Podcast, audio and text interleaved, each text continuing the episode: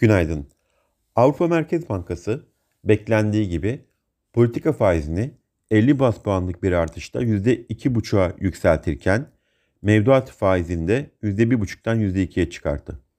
İngiltere Merkez Bankası politika faizini yine beklendiği gibi 50 bas puan arttırarak %3,5'a yükseltirken Merkez Bankası FED'e benzer şekilde 75 bas puanlık faiz artışlarını kalıcı olarak bırakmış görünüyor.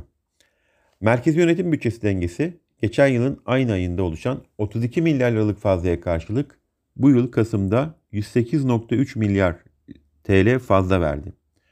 TÜİK Kasım ayında 117.806 konut satıldığını açıklarken bu rakam yıllık bazda %34.1 daralmaya işaret ediyor.